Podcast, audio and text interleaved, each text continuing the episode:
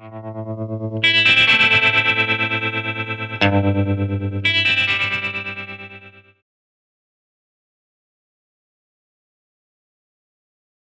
Dzień dobry Państwu, bardzo dziękuję za przybycie. Przede wszystkim jestem zaszczycona, że ten referat został uwzględniony w programie towarzyszącym wystawie Splendory Finezja, Duch i Materia w Sztuce Korei, więc gorąco Markowi Płócińczakowi, kierownikowi działu edukacji serdecznie dziękuję za zaproszenie. E, tak jak było powiedziane, tematyka mm, dzisiejszego referatu troszeczkę odbiega od specyfiki dotychczasowych tutaj prelekcji, ale mam nadzieję, że to wzbogaci jakby tutaj wachlarz, jeżeli chodzi o spojrzenie na samą wystawę, bo do niej również pozwolę się dzisiaj odnieść. E, Korea okiem kamery fotograficznej u progu XX wieku, będzie koniec XIX i początek XX. Tutaj jakby ten fragment tytułu absolutnie nie będzie budził Państwa wątpliwości, ale te mm, sformułowania dostrzec, uchwycić w kontekście fotografii również są w miarę oczywiste, ale już zawłaszczenie będzie tutaj dla nas ważnym punktem odniesienia. Jednak zanim Państwa zabiorę w taką fotograficzną podróż e, po Korei, której właściwie już e, dzisiaj nie ma i możemy ją właśnie odbierać tylko za pomocą fotografii, chciałabym sekundkę poświęcić na korzenie fotografii, na związane z nią paradygmaty, na to, w jaki sposób e, społeczeństwo ówczesne, XIX, początku XX wieku w ogóle odbierało to medium e, wizualne. Żeby Państwu też przypomnieć tę historię związaną z fotografią, pokazuję nie tylko jeden z pierwszych dagerotypów, oczywiście spreparowany przez Dagera, ale również ten charakter medium. Bo często zapominamy, że te pierwsze obrazy nie tylko były uważane przez ówczesne społeczeństwo, e, przede wszystkim francuskie, ale i brytyjskie, za niesamowicie realistyczne, za oddające e, prawdę rzeczywistości, ale miały one też bardzo specyficzny charakter, bo były przecież na takich e, płytkach, tak jak tutaj Państwo widzą. I w zależności od tego, w jaki sposób obracaliśmy daną płytkę, przecież obraz przechodził między negatywowym a pozytywowym. Stąd też ta metafora lustro rzeczywistości stosowana do fotografii absolutnie nie bierze się znikąd, ale z charakteru i specyfiki samego medium e, i tego, jaki to był typ wizualności. Zatem, tak jak Państwu zasygnalizowała, mimo że te obrazy były nieostre, pełne mm, tutaj niedoskonałości, tak jak Państwo widzą, e, przecież na pewno Państwo pamiętają tę historię, że tak naprawdę Pucybut e, i jego klient są uchwyceni na tym zdjęciu tylko dlatego, że byli wynajęci przez fotografa po to, żeby nie poruszali się przez odpowiednio długi okres, bo przecież czas naświetlania wówczas był tak długi, że cały ruch znajdujący się na tym bulwarze absolutnie nie mógł zostać e, uchwycony, to mimo tych wszystkich wad tego obrazu i tego, że miał on dosyć specyficzną właśnie materię, ówczesne społeczeństwo uważało, że jest on absolutnie realistyczny, że jest w stanie doskonale nam tę rzeczywistość zarejestrować, opisać i uchwycić, tak? Właśnie stąd to słowo e, w tytule referatu. E, I tutaj, żeby pokazać Państwu egzemplifikację opinii ówczesnych, cytuję Samuela Morsa, który mi pisał, że znakomita ich drobiazgowość jest nie do pomyślenia. Żaden obraz ani rycina nigdy nie zbliżyły się do tego efektu. Mowa oczywiście właśnie o dagerotypie. Jeżeli mamy tego typu przesłankę e, pisemną, to przestaje nas dziwić, dlaczego Samuel Morse nie tylko się chętnie fotografował, ale również sam posiadał kamerę dagerotypową i był absolutnie zafascynowany tym nowym e, wynalazkiem. Więc nie tylko ogólnie reprezentanci z ówczesnego społeczeństwa, ale także mm, członkowie środowisko naukowe, prawda, e, było absolutnie tym wynalazkiem zafascynowane. No jak to podejście do fotografii, tak głęboko zakorzenione już w samym początku historii tego medium, e, przełożyło się na problem spojrzenia na dziedzictwo kulturowe. E, otóż uważano, że fotografia to nie tylko czysty dokument, ale coś więcej i pisano, fotografia jest bardziej dokładna niż rysunek, co oczywiście wydaje nam się niezaprzeczalnie e, prawdą, ale co więcej, pisano lepiej studiować architekturę na podstawie fotografii, bo dzięki niej widać więcej. To może zaskakiwać, prawda? Ale w ówczesnym e, okresie, kiedy tak naprawdę te podróże nie były czymś oczywistym, nie były popularne i nie każdy mógł sobie na nie pozwolić, i kiedy fotograf był onieśmielony tym dziedzictwem, które nie tylko ma monumentalną skalę, prawda? Ale zaskakuje go e, szczegółowością detali, egzotyką, specyfiką, z którą dotąd nie miał do czynienia, ponieważ pochodzi z zupełnie innego e, kręgu kulturowego, to okazało się, że wiele detali, wiele informacji, umyka tak naprawdę naszemu gołemu oku i możemy je przeanalizować dopiero na spokojnie, odczytując obraz fotograficzny. Tutaj już Państwu pokazuję kalotypię, czyli jakby równolegle rozwijający się e, proces do dagerotypii, już e, zasadzający się na procesie negatywowo-pozytywowym, który wywodzi się od oczywiście e, propozycji Talbota, prawda? Więc to przekonanie, że fotografia może nam dać werystyczny obraz, niesamowicie precyzyjny, dzięki temu automatyzmowi kamery, który nie ma w sobie żadnego przekłamania, jakby od samego zarodka, od dagerotypii, od tego praprzodka fotografii y, towarzyszy nieustannie temu medium. Więc nawet y, kiedy archeolodzy wybierali się w, w podróże, przygotowywali rysunki architektoniczne, czy ze skalą, z dokładnymi informacjami, mimo wszystko uważano, że fotografia, która przecież często przekłamuje, która zmienia często nam skalę, prawda, która powoduje, że proporcje są zupełnie nieadekwatne do tego, jak obiekt wygląda w rzeczywistości, to uważano, że naprawdę fotografia może więcej.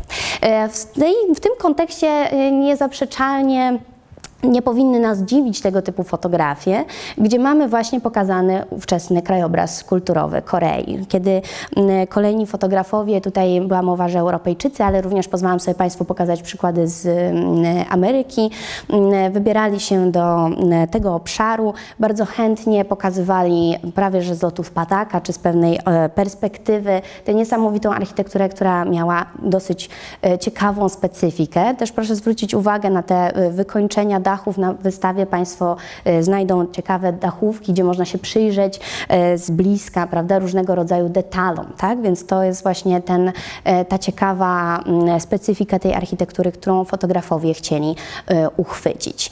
Tutaj z kolei chciałam Państwu pokazać jakby egzemplifikację zjawiska, o którym pisał profesor Andrzej Tomaszewski. On miał takie niesamowicie holistyczne podejście do konserwacji dziedzictwa kulturowego. I co prawda o samej fotografii nie pisał, ale podkreślał, że przecież krajobraz kulturowy polega nieustannym przemianom, nieustannie e, ulega modyfikacjom, e, nie tylko ze względów na procesy urbanizacyjne, przemiany klimatyczne, których przecież dzisiaj jesteśmy nieustannie e, świadkami, ale siłą rzeczy, ze względu na konieczność dostosowania rzeczywistości do potrzeb człowieka, tego finalnego użytkownika, krajobraz się zmienia. I tutaj pokazuję Państwu świątynię, która powstała pod koniec XIX wieku. Fotografia prawdopodobnie została wykonana E, już e, w początkach XX wieku, trudno tutaj o konkretne datowanie. Niemniej cały rytuał, który był związany z daną świątynią, e, wykształcił się już w okresie Trzech Królestw, o którym zresztą też jedna z sal jest poświęcona na wystawie. Więc jak Państwo widzą, okres Trzech Królestw to jest bardzo wczesny okres w historii Korei, ale dalej te rytuały związane właśnie z ołtarzem nieba były chętnie praktykowane. Więc tutaj mamy przykład architektury, która jakby podtrzymuje pewne tradycje, która cały czas e, jakby nawiązuje do e, historii, przeszłości i korzeni regionu. I co ciekawe, ta świątynia została odbudowana, przynajmniej jej fragmenty, bo to nie jest cały kompleks świątynny. Też proszę pamiętać, że niekiedy na fotografii mamy fragment jakiegoś budynku, ale jest to tylko ułamek pewnego większego e, zespołu. Dzisiaj to miejsce wygląda tak. Więc proszę zwrócić uwagę, jak bardzo zmienia nam się krajobraz kulturowy dookoła. Więc tego względu właśnie fotografia ma tę niesamowitą siłę, e, która cały czas nas właściwie uwodzi, nawet w dobie tego jakby szału związanego z epoką cyfrową i tego, że przecież już nie ufamy fotografii, bo może być nieustannie zmanipulowana, to jednak ten pierwiastek właśnie zachowania przeszłości i możliwości odczytania pewnych dawnych praktyk, które są tutaj gdzieś uchwyte wizualnie nam towarzyszy. Tutaj widzą Państwo jakby dwa rysunki zupełnie jakby różnych obiegów, bo z jednej strony anonimowego autora i XIX wiek, a z drugiej strony oczywiście Państwu znany Rubens i wiek XVII, prawda? Oba rysunki ma, spełniają tę samą rolę, o której mówiłam, prawda, jeżeli chodzi o zapis e, krajobrazu kulturowego. Przecież proszę pamiętać, że krajobraz kulturowy to nie tylko obiekty kultury materialnej, to nie tylko świątynie, to nie tylko budynki e, i architektura, czy to stała, czy też jakaś ceremonialna, ale również wszelkiego typu rytuały, to też obrzędy, stroje, stroje i ubiory. Tak? Więc tutaj e, widzą Państwo zainteresowanie bardzo wczesne tym regionem e, i jego egzemplifikację wizualną w takich zapisach e, rysunkowych. Więc jeżeli już w innych mediach dużo wcześniej pojawiało się tego typu zainteresowanie, to nie powinno nas dziwić, że fotografia również spełniała taką rolę, że była oczywiście takim zapisem informacyjnym, który pokazywał rytuały, przebieg życia codziennego i dzięki temu możemy zobaczyć, jak to niegdyś wyglądało. E, wydawałoby się, że prasowanie za pomocą takich tradycyjnych ubijaków to będzie praktyka, która już się zakańcza bardzo wcześnie, no, choćby w XIX wieku. Tutaj widzą Państwo, że fotografia z 1910 roku dalej pokazuje tego typu praktykę.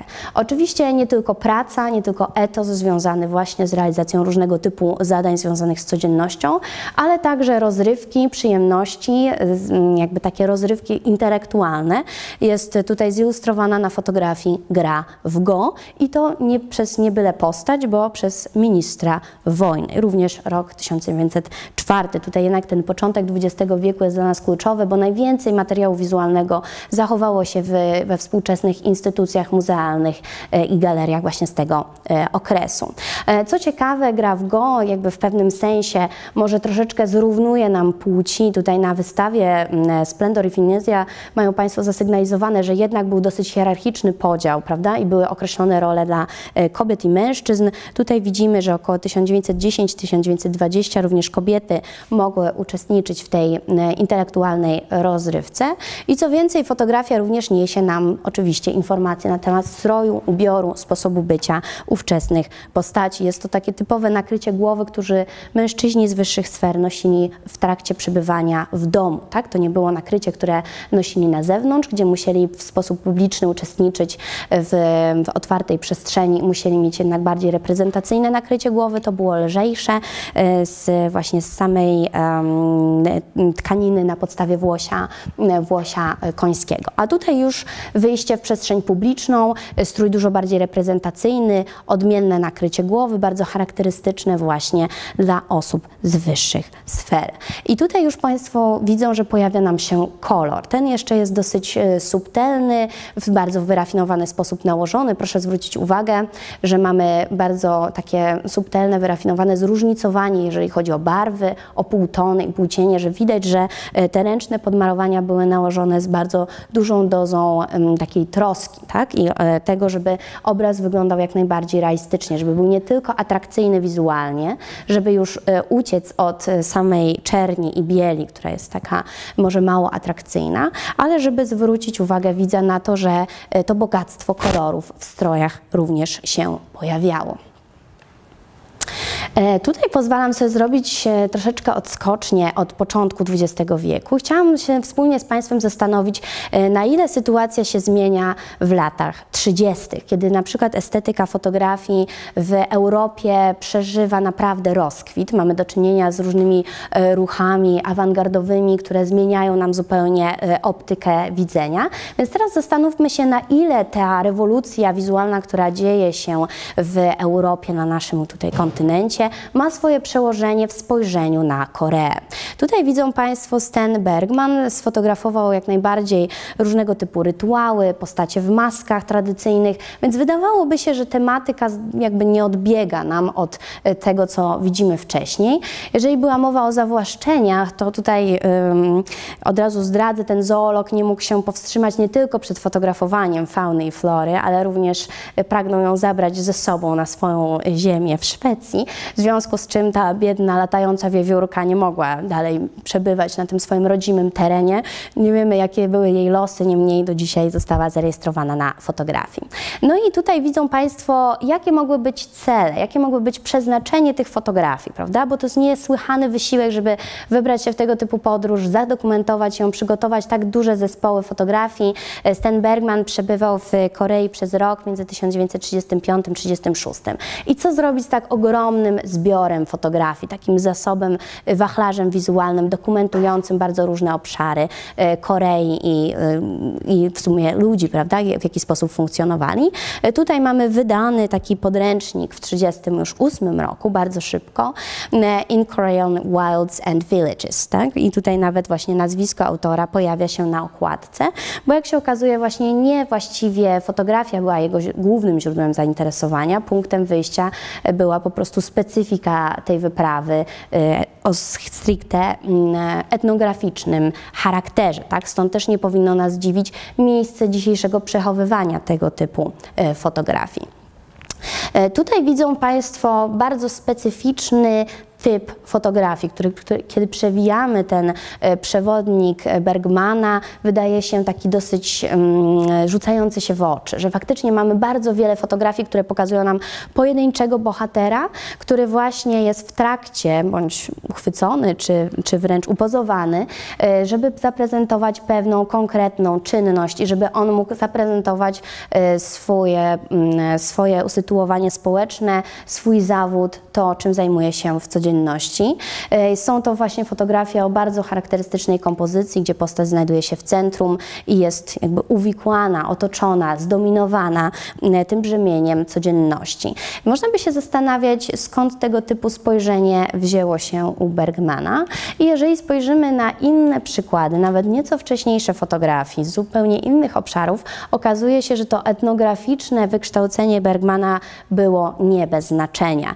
E, Tutaj widzą Państwo takie fotografie, które z jednej strony pokazywały czy górali, ale oczywiście sfotografowanych przez fotografów krakowskich z, z naprawdę mm, dobrze usytuowanych sfer, e, czy serię typów Żydów krakowskich, czy też e, spojrzenie na e, Hucułów. I tego typu fotografie zaliczamy do tak zwanej kategorii typów regionalnych bądź typów ludzkich, które miały za zadanie w taki bardzo zero-jedynkowy, w bardzo okrutnym właściwie sposób e, sportretować cechy charakterystyczne dla danej grupy, czy to etnicznej, czy wyznaniowej, e, czy e, tutaj jakby usytuowanej, mocno zakorzenionej geograficznie w danym obszarze. I niejednokrotnie właśnie wtedy ten, kto jest fotografowany, jest tak zwanym innym, tym, który zostaje zawłaszczony przez fotografię, który musi zostać odpowiednio upozowany, co, co jest zdecydowanie sztuczne. Tutaj może nie jest to do końca widoczne na tej reprodukcji, ale kiedy ogląda się tę pracę w rzeczywistości, doskonale widać, że tło jest sztuczne, więc te postaci nie są sfotografowane w swoich naturalnym otoczeniu, ale są wtłoczone do studia fotograficznego e, i oczywiście w odpowiedni sposób zaaranżowane tak, żeby miały wszystkie elementy charakterystyczne stroju, tak żeby dla widza było jednoznaczne to, jaką funkcję, jaką rolę w społeczeństwie dana postać pełni. Więc e, tutaj widzą Państwo przykłady, co prawda, koniec XIX wieku, ale nawet w 1935 roku e, tego typu materiał wizualny stanowił podstawę dla pocztówek, które były chętnie e, rozsyłane, więc to zainteresowanie Bergmana, ta, ta koncentracja na tym, żeby wychwycić jedną postać, pokazać jej rolę, e, pokazać właściwie nie jednostkową tożsamość, nie to, kim jest ta postać. Nie mamy nigdzie zapisanych, nie mamy żadnych imion, nie mamy informacji tak naprawdę, gdzie konkretnie ta postać została uchwycona, jeżeli chodzi o region geograficznie. Chodzi raczej o pewne stypizowane wzory, prawda? Więc w tym sensie ten model zostaje zdominowany przez fotografa, przez tego, który patrzy.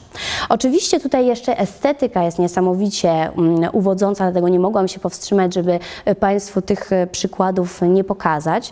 Oczywiście absolutnie nie jest możliwe, żeby te kobiety w sposób naturalny, w ten sposób jakby, jakby zostały uchwycone, prawda? Kiedy myślimy o fotografii, często myślimy o tym decydującym momencie, że fotograf wkracza w jakąś sytuację i e, rejestruje na gorąco, prawda? Reaguje na sytuację, której po prostu jest świadkiem. Nie, tutaj Bergman mimo tego swojego e, określonego wykształcenia i tego swojego zaplecza aranżuje sytuację tak, żeby ten obraz fotograficzny spełniał jego wizję i jego wymogi. Więc niezaprzeczalnie oczywiście też to, co mówiłam Państwu o określonej estetyce w latach e, 30., o takim bardzo precyzyjnym rysunku linearnym. Proszę zwrócić uwagę, jak bardzo to nie jest tylko doskonałość techniczna tej fotografii, co należy jakby niezaprzeczalnie do walorów dorobku Bergmana, ale również ta estetyka właśnie tak zwanej nowej rzeczowości tutaj się Bergmanowi udziela. Chodzi tutaj mianowicie o taką precyzyjną fotografię, nazywaną też straight photography w Ameryce. Chodzi tutaj o fotografię, która już nie ma rozmytych konturów, nie jest nostalgiczna, melancholijna, e, która nie jest owiana takim malarskim, e, piktorialnym sfumato, ale właśnie w taki ostry, precyzyjny, bardzo werystyczny sposób pokazuje rzeczywistość. No więc tutaj e, sam modelunek tych postaci, to, że ten pejzaż również jest pięknie tutaj nam zasygnalizowany, ta sekwencyjność absolutnie absolutnie jest to doskonale przemyślana y, kompozycja, która raczej odbiega od takiej mm, próby zadokumentowania chwili i jest y, zdecydowanie kreacją fotografa. Na pewno Państwo się zastanawiali, dlaczego tak wiele fotografii, które pokazywałam, są w takich duetach, prawda? Dlaczego są podwójne? Otóż to, co Państwu pokazywałam, to są stereofotografie. E, tutaj Państwu pokazuję narzędzie, które mogło służyć do oglądania tego typu fotografii w sposób samodzielny. O, przepraszam. E, stereoskop, prawda? Gdzie umieszczało się tego typu parę fotografii i wówczas widz mógł przenieść się niejako do tej rzeczywistości. Proszę sobie wyobrazić, XIX wiek, początek XX i jak mamy sobie zwizualizować tę e, trójwymiarową rzeczywistość, prawda? Jak możemy się poczuć, że jesteśmy w danym miejscu, nie stać nas na podróż do Rzymu, a tym bardziej już do Korei, a chcemy się przenieść do atmosfery tego świata, prawda? Więc mieliśmy e, specjalne przewodniki z tego typu fotografiami, z tego typu materiałami wizualnymi. Mieliśmy właśnie stereoskopy, ale to nie wszystko, bo mieliśmy oczywiście też fotoplastikony, nazywane również Kaiser Panoramą. E, kto z Państwa nie był w Warszawie, w Fotoplastikonie, tutaj widzą Państwo taką scenę, e, jeszcze w latach dwudziestych jak najbardziej były popularne e, w Wiedniu, tutaj akurat mamy przykład. A kto z Państwa ta takiego doświadczenia jakby nie przeżył, to gorąco Państwa zachęcam do zajrzenia do warszawskiego Fotoplastikonu, gdzie właśnie można doświadczyć tej właściwie kultury masowej, na, na spełniającej ówczesne e, standardy kultury masowej e, rozrywki, prawda? Gdzie można było e, oglądać na danym stanowisku, co, co chwilę zmieniały się te pary stereoskopowe i można było wyobrazić sobie, że jest się danej przestrzeni, ogląda się różne obiekty z mapy Korei chociażby i właśnie w taki trójwymiarowy sposób. No i jakiego typu materiały w tych fotoplastikonach mogły być pokazywane? Mm, tutaj początek XX wieku, troszeczkę wracamy do do tego początku jakby obrazowania Korei w fotografii. I proszę zwrócić uwagę, że właśnie to mm, charakterystyczne przesunięcia i zróżnicowania, jeżeli chodzi o oświetlenie, właśnie powodowały to, że obraz wydawał się y, trójwymiarowy, nabierał przestrzenności, że mogliśmy sobie wyobrazić, że wybieramy się w tę inną y, krainę. Tutaj fotografie Gravesa z kolekcji Paul Getty Museum są naprawdę wyjątkowo dobrze skomponowane. Proszę zwrócić uwagę, że w przemyślany sposób on sytuuje konstruuje modeli, dobiera nie tylko właśnie żywe sylwetki postaci, które nam e, niuansują obraz i powodują, że nie jest to sama pusta architektura, taka niema i nam troszeczkę obca czy nieciekawa, no ale właśnie, że całe to dziedzictwo kulturowe w pewnym sensie e, ożywa, tak? I te pozornie takie e, spontaniczne usytuowanie postaci absolutnie jest tu na pewno pozowane, tak? Tutaj kolejny przykład, który nam to doskonale ilustruje, gdzie postać znajduje się w jednej trzeciej kadru, gdzie mamy przepięknie pod kątem sfotografowane schody, co troszeczkę nam dynamizuje ten kadr, który jest stosunkowo pusty, ale mimo wszystko e, jest taki wciągający wizualnie, więc zwłaszcza jeżeli wyobrazimy sobie ten ruch, prawda? Całe to doświadczenie wybierania się do fotoplastikonu razem z rodziną, znajomymi, gdzie spotykamy e, inne osoby i gdzie ten ruch właśnie zdjęć cały czas jakby nam niuansuje i zmienia obrazy, z którymi mamy do czynienia, to jest to naprawdę bardzo ciekawa e, kompozycja.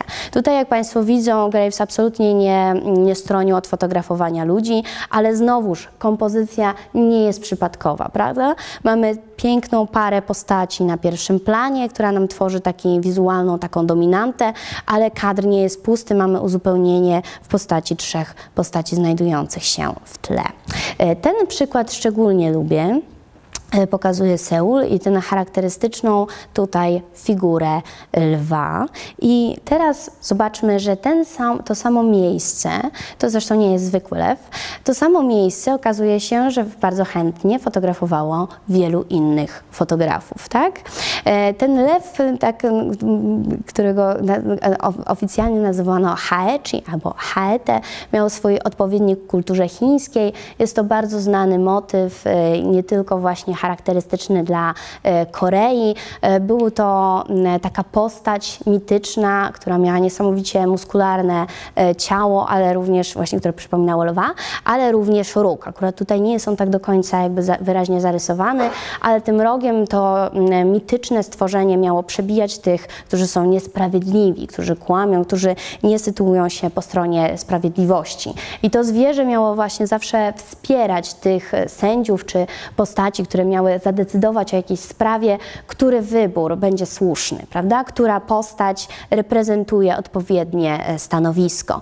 E, I usytuowanie tej figury u bram tutaj e, Pałacu Królewskiego w Seulu e, było taką bardzo takim symbolicznym oczywiście działaniem.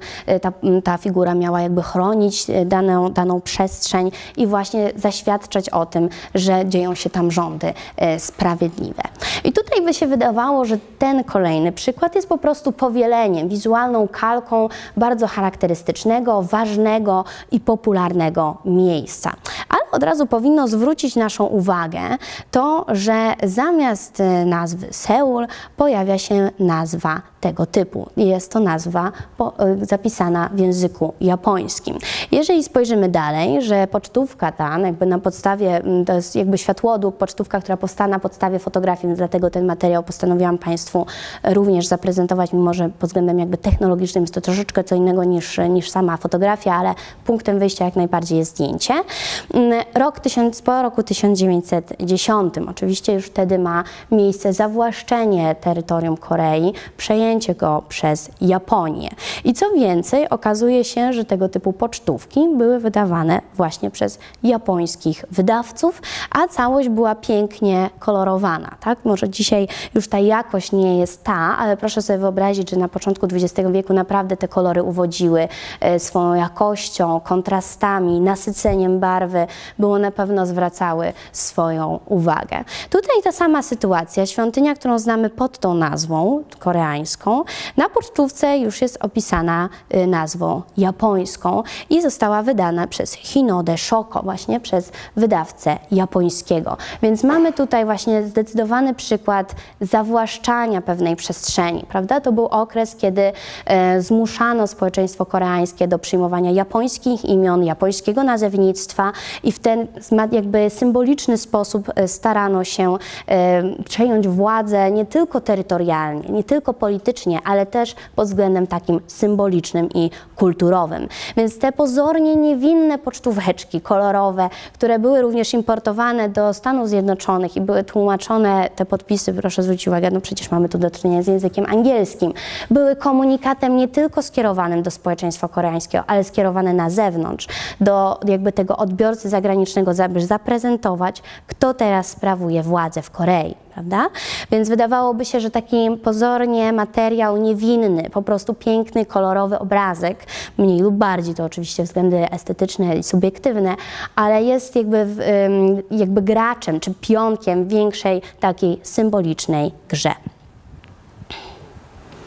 Tutaj kolejny przykład, żeby to Państwu zaprezentować. W dodatku ten kompleks świątyń buddyjskich, tutaj jeszcze jakby na, nakłada się troszeczkę ta rola mm, konserwacji mm, dziedzictwa kulturowego. Niestety większość tego kompleksu już dzisiaj nie istnieje w wyniku e, wojny koreańskiej. W 1951 roku został zbombardowany przez, e, przez wojska amerykańskie i niestety dzisiaj mamy już tylko ruiny, więc paradoksalnie te takie piękne piękne, nasycone barwy, które dzisiaj mamy, są jakby świadectwem i dziedzictwem działania również innego uzurpatora na tym, e, na tym terenie. No ale wróćmy do splendoru, wróćmy, wróćmy do czegoś takiego pozytywnego. Jak najbardziej fotografia również pokazywała różnego typu rytuały, więc jeżeli mowa o splendorze, to absolutnie paradowanie, transportowanie się w palankinie należało do takich rytuałów, które właśnie były okraszone dużą dozą splendoru. I tu od razu też odwołuję Państwa do wystawy, bo może to Państwu umknąć. E, na ekspozycji w, tutaj w, przygotowanej przez Zespół Muzeum Narodowego w Warszawie mamy ornament palankinu właśnie w kształcie smoka. Oczywiście z wcześniejszego okresu, ale to tym bardziej nam potwierdza, że pewne rytuały, zwyczaje, tradycje, to tak zwane dziedzictwo niematerialne jest w stanie przetrwać, prawda, w, róż, w nieco zmodyfikowanej formie, niekiedy uproszczonej, niekiedy już nie okraszone tak piękną, prawda, tutaj dekoracją, e, która ma e, tak przykuwa nasz wzrok, e, niemniej, że cały czas pewne określone tradycje i zwyczaje trwają.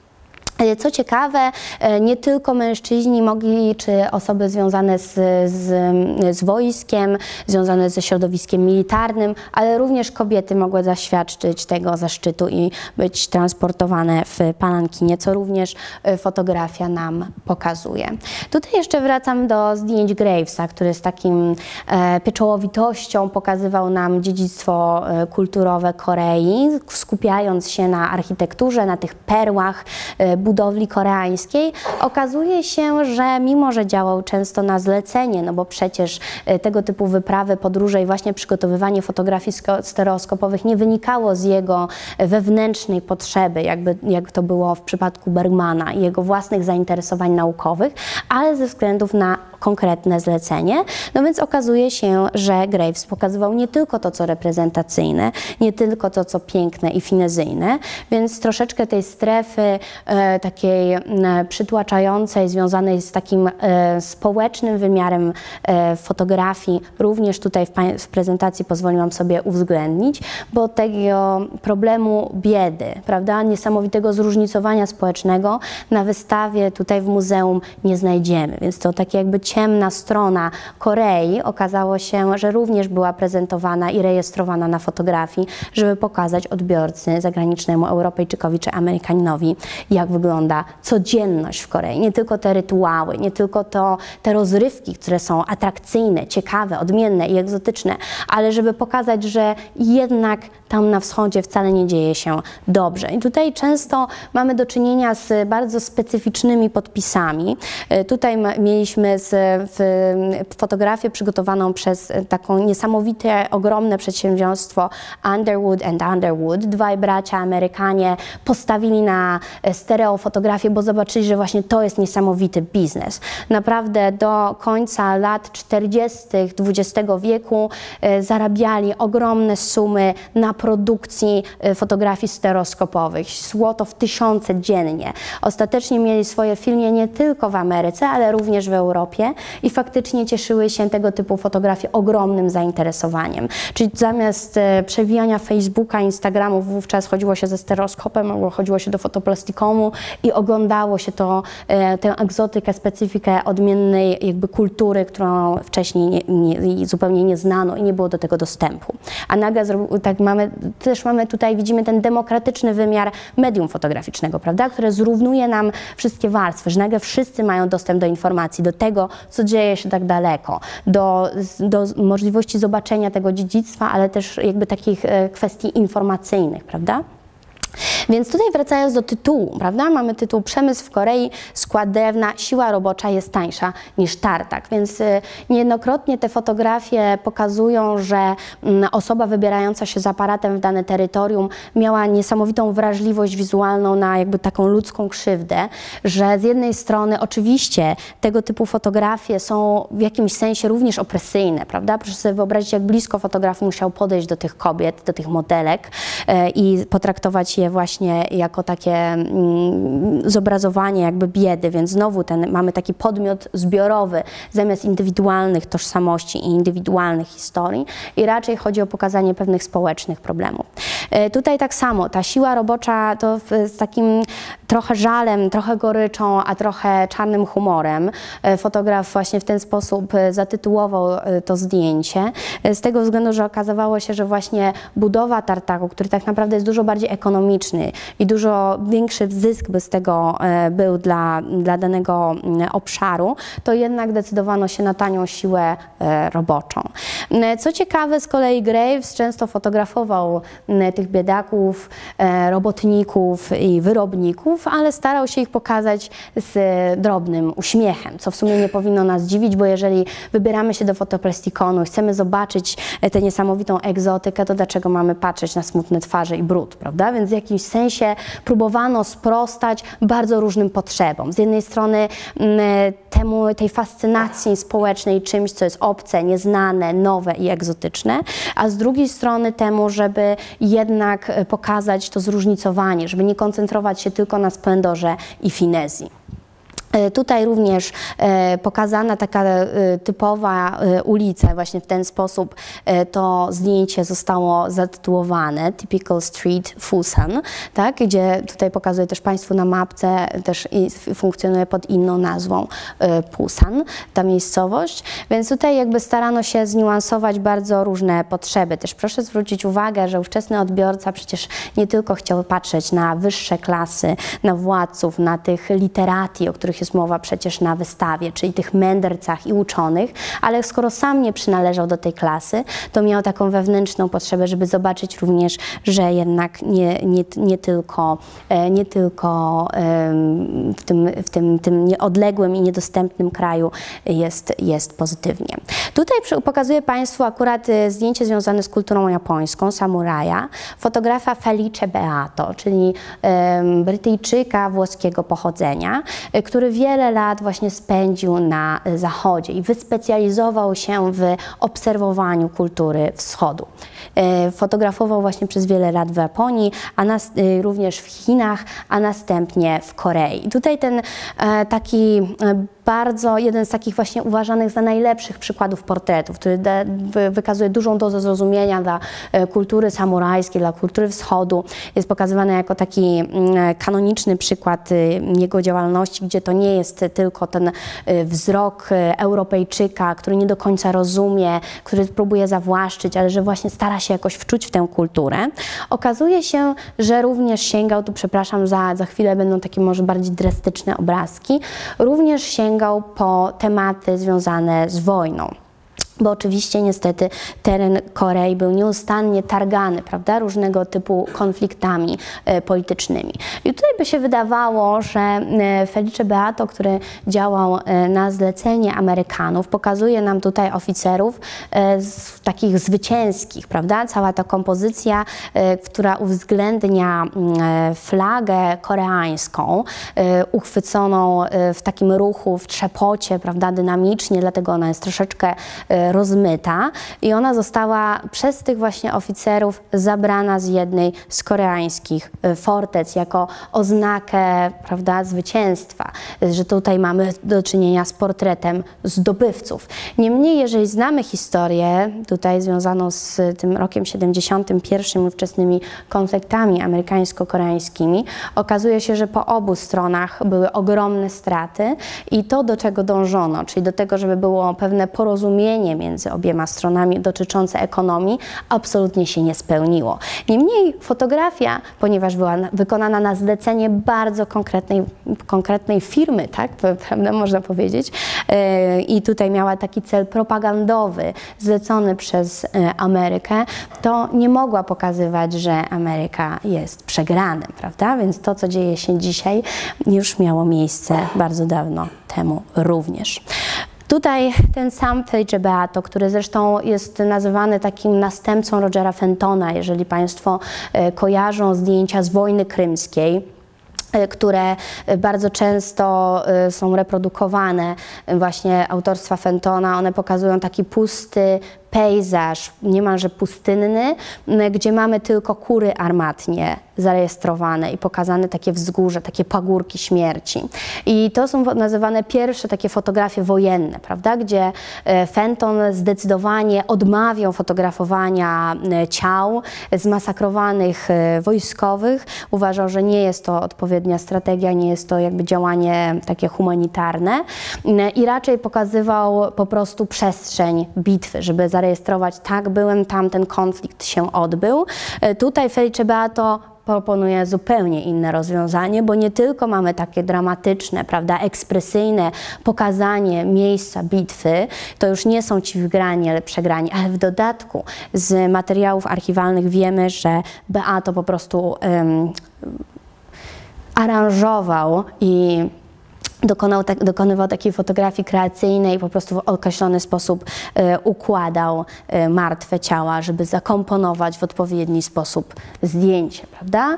I znowuż ze względu na działanie dla określonego zleceniodawcy, Felice Beato decydował się na konkretną strategię wizualną. Więc ta fotografia, której niesamowicie cały czas ufano, prawda? Więc w związku z tym odbiorca amerykański widział nie tylko tych amerykańskich zwycięzców, ale też właśnie świadectwo tego, tak, zwyciężyliśmy i nie tylko ta flaga o tym świadczy, ale również te, te ciała wydaje się dzisiaj niesamowicie brutalna. E, wspominałam Państwu o tych specyficznych tytułach. Tutaj znowu e, dwa przykłady, e, zarówno z tej firmy Underwood and Underwood, o której Państwu wspominałam, jak i o konkurencyjnej, tak, która wytoczyła jakby taki przemysłowy wyścig o to, kto przygotuje więcej fotografii bardziej atrakcyjnych, stereoskopowych. Keystone View.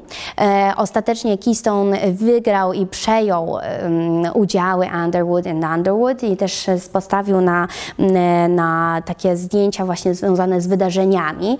E, z kolei Underwood i Underwood potem zajęli się e, filmem. W każdym razie, mm, e, jak widzimy, w tym samym okresie, tutaj 1901, tutaj 1904, mm, powstawały podobne fotografie, które no, kiedy patrzymy na sam obraz, to mówi nam on co? O biedzie, o, o tym, jak wyglądały prawdziwe domy mieszkalne, prawda? Jak wielodzietne były rodziny, z czym musiały się zmierzyć e, ówczesne matki, ojcowie, kiedy dzieci wychowywały dzieci, prawda? Nawzajem się wspierając.